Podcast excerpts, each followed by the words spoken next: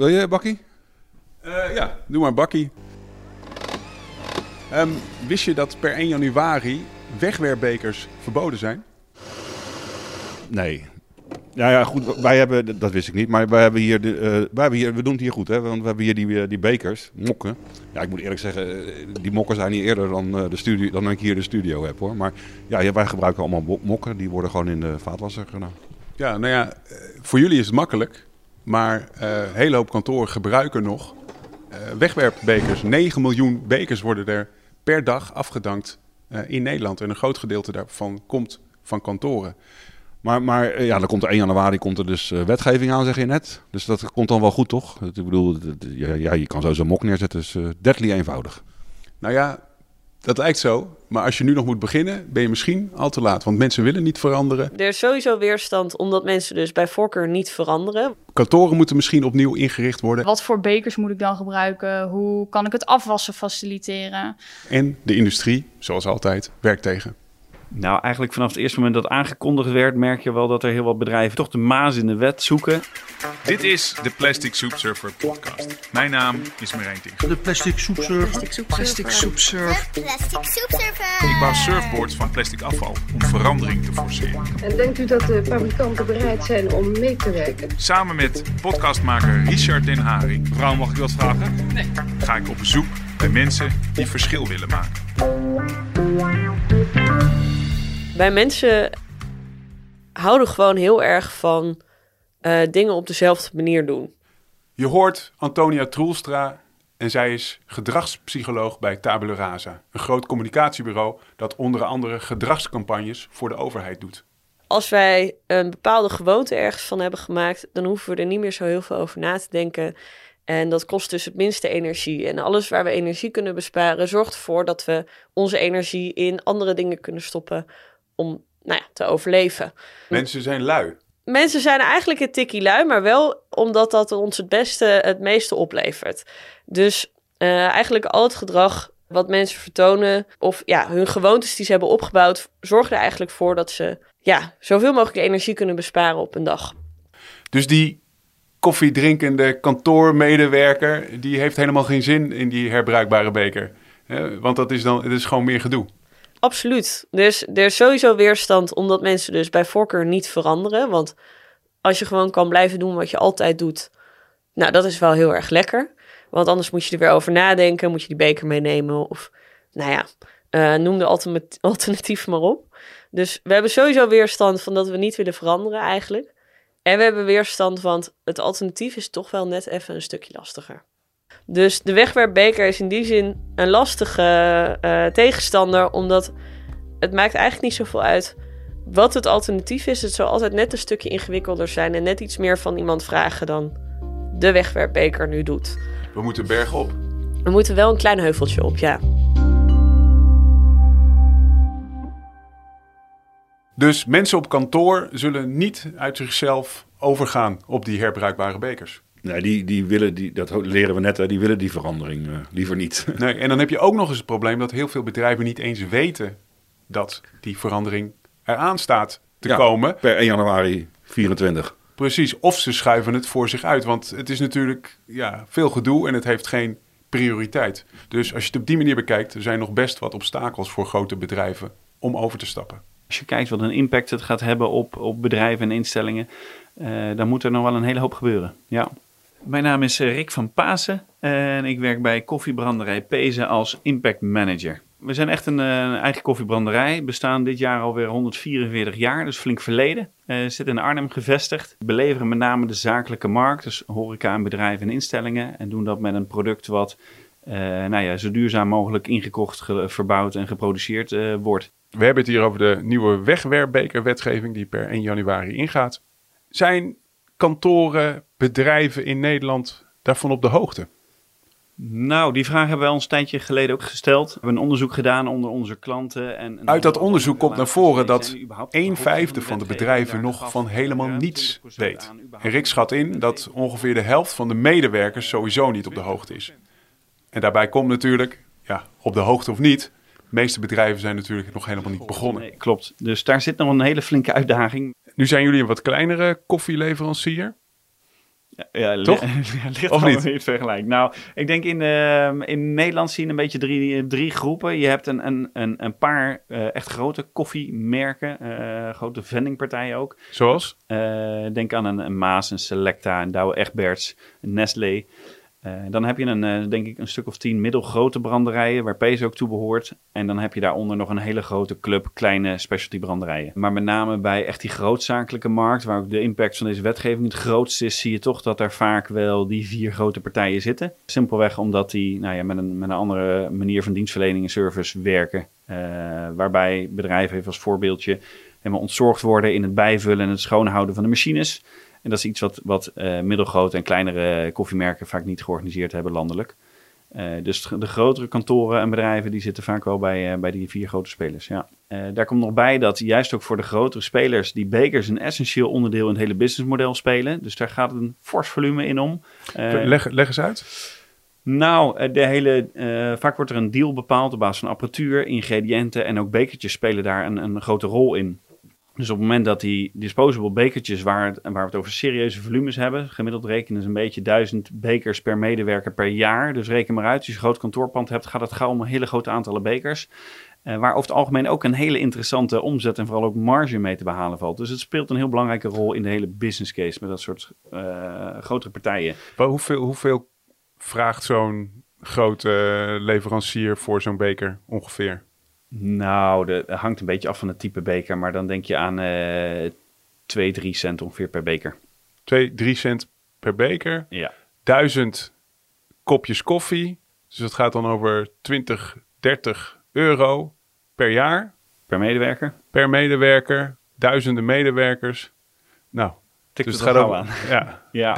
30.000 euro makkelijk. Klopt. Eigenlijk vanaf het eerste moment dat aangekondigd werd, merk je wel dat er heel wat bedrijven natuurlijk toch de maas in de wet zoeken. Eh, moet je denken aan een lobby die ook vandaag de dag nog steeds gaande is om te kijken of die wetgeving niet uitgesteld kan worden. Eh, Er zijn ook partijen die eh, dusdanig kritisch zijn gaan kijken van oké, in de subwetgeving, wat staat voor single-use plastic wetgeving, eh, wat is dan de definitie van plastic en kan ik een coating maken die dat bekertje waterdicht maakt? Zonder letterlijk binnen die definitie van plastic te vallen. Dus wel polymeren in het bekertje, wel een coating in het bekertje, maar ja, zo doen dat plastic buiten de wetgeving in theorie valt. Nou, gelukkig is dat er ook allemaal niet doorheen gekomen, maar dat is wel een markt waar, waar heel wat partijen een hoop tijd en een hoop geld in gestopt hebben. Dus je merkt dat er, dat er heel veel organisaties een dusdanig groot financieel belang bij disposables hebben, dat ze er ook echt alles aan doen om dat veilig te stellen.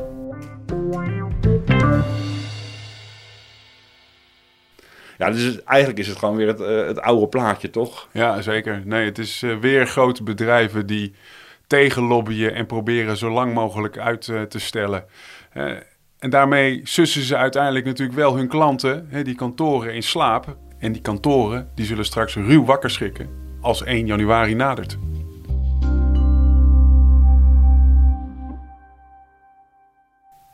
Hoe voorkom je dat mensen in de weerstand schieten?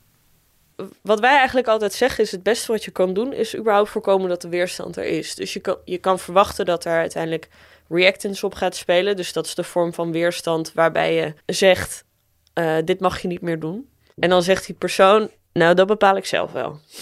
Ja, dus dat moet je voorkomen. Dat moet je voorkomen. En een, eh, een techniek om dat te voorkomen is door keuzemogelijkheid te bieden. Dus eh, in het geval van de wegwerpbeker mag je niet, moet je niet alleen zeggen... je mag die wegwerpbeker niet meer gebruiken. Je moet zeggen... eh, we hebben ook de eh, beker. Je hebt van die initiatieven dat je een beker kan ophalen... en dan bij het volgende station weer kan inleveren. Of eh, dat je zelf je beker meeneemt. Dus bied iemand een paar opties... van wat hij dan kan doen om wel zijn coffee to go te krijgen. En dan bij voorkeur een paar opties die net ietsje zijn. meer moeite zijn, maar wel lekker makkelijk. Makkelijk blijven. Ja, Ja, want dat dus, begrijp ik. ja. Het moet allemaal eh, makkelijk. ja, Faciliteren. faciliteren is heel belangrijk bij verandering, ja.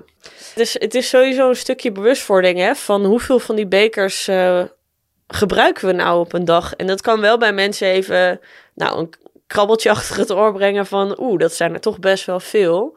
Maar dan nog denken mensen, ja, maar ik heb daar misschien zo'n kleine rol in. Ik ben maar één van die Ik vijf ben maar miljoen. één van die 5 miljoen, dus wat maakt het nou uit? En als je daar zeg maar meer, nou, je kan benadrukken van hoeveel afval je kan voorkomen door eh, ook als één persoon nou die, kopje, die uh, wegwerpbekers laat staan, dan kan dat toch een stukje motivatie geven voor het, uh, ja, voor het gedrag wat ze gaan vertonen. Want dan heb je ook echt het gevoel, ik doe het ergens voor.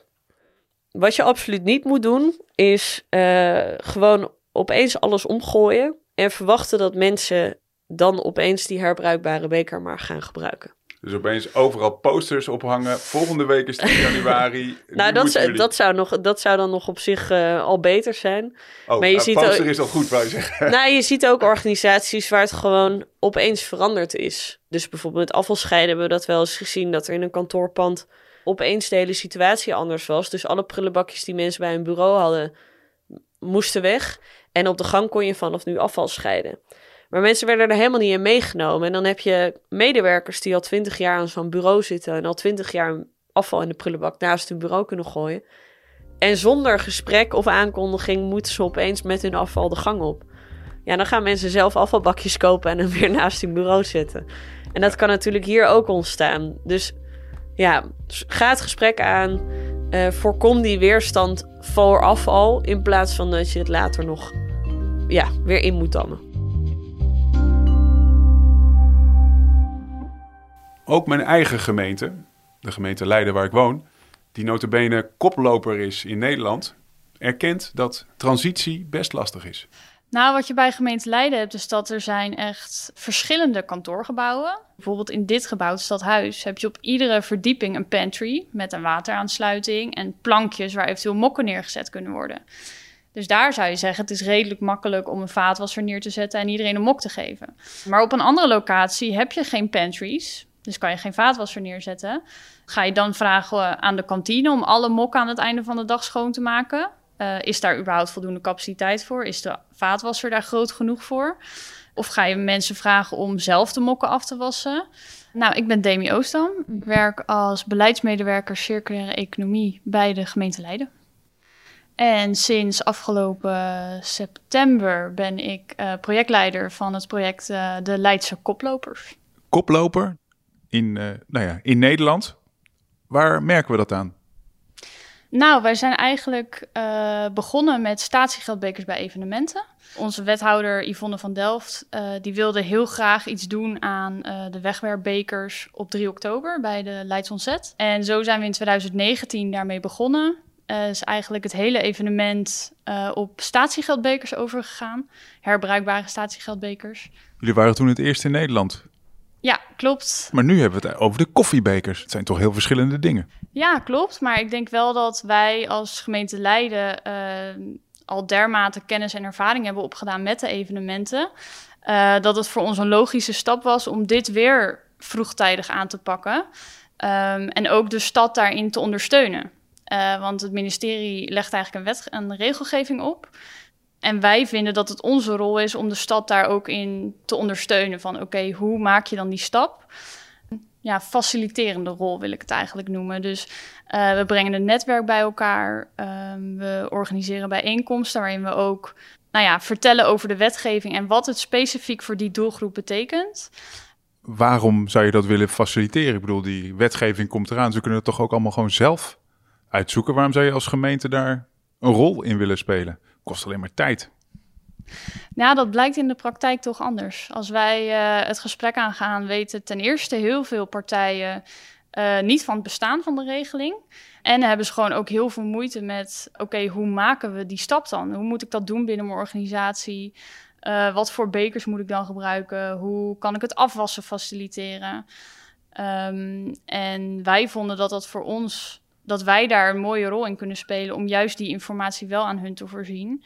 Uh, zodat zij uiteindelijk zelf de stap kunnen maken. En dat we als heel Leiden op tijd zijn om aan die regeling te voldoen. Bij de eerste gesprekken die we hebben gevoerd, want we hebben wel veel telefoongesprekken gehad, daar wordt wel al heel positief op gereageerd dat we er zijn om te helpen. Omdat ze toch wel vaak ja, het toch als een lastig iets zien om over te stappen op herbruikbaar. Want het is toch ja, het zat niet in de planning om dat te gaan doen.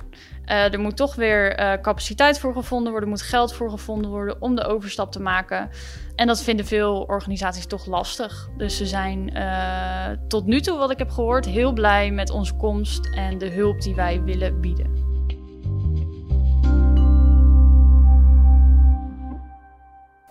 Mensen denken vaak dat de wegwerpbeker goedkoper is dan de herbruikbare beker. Is dat ook zo? Nou, zou ik niet zo zeggen. Het ligt een beetje aan natuurlijk wat je allemaal meeneemt in de berekening. Want dat hoor je vaak op kantoor, hè? Van zo'n wegwerpbekertje gebruiken.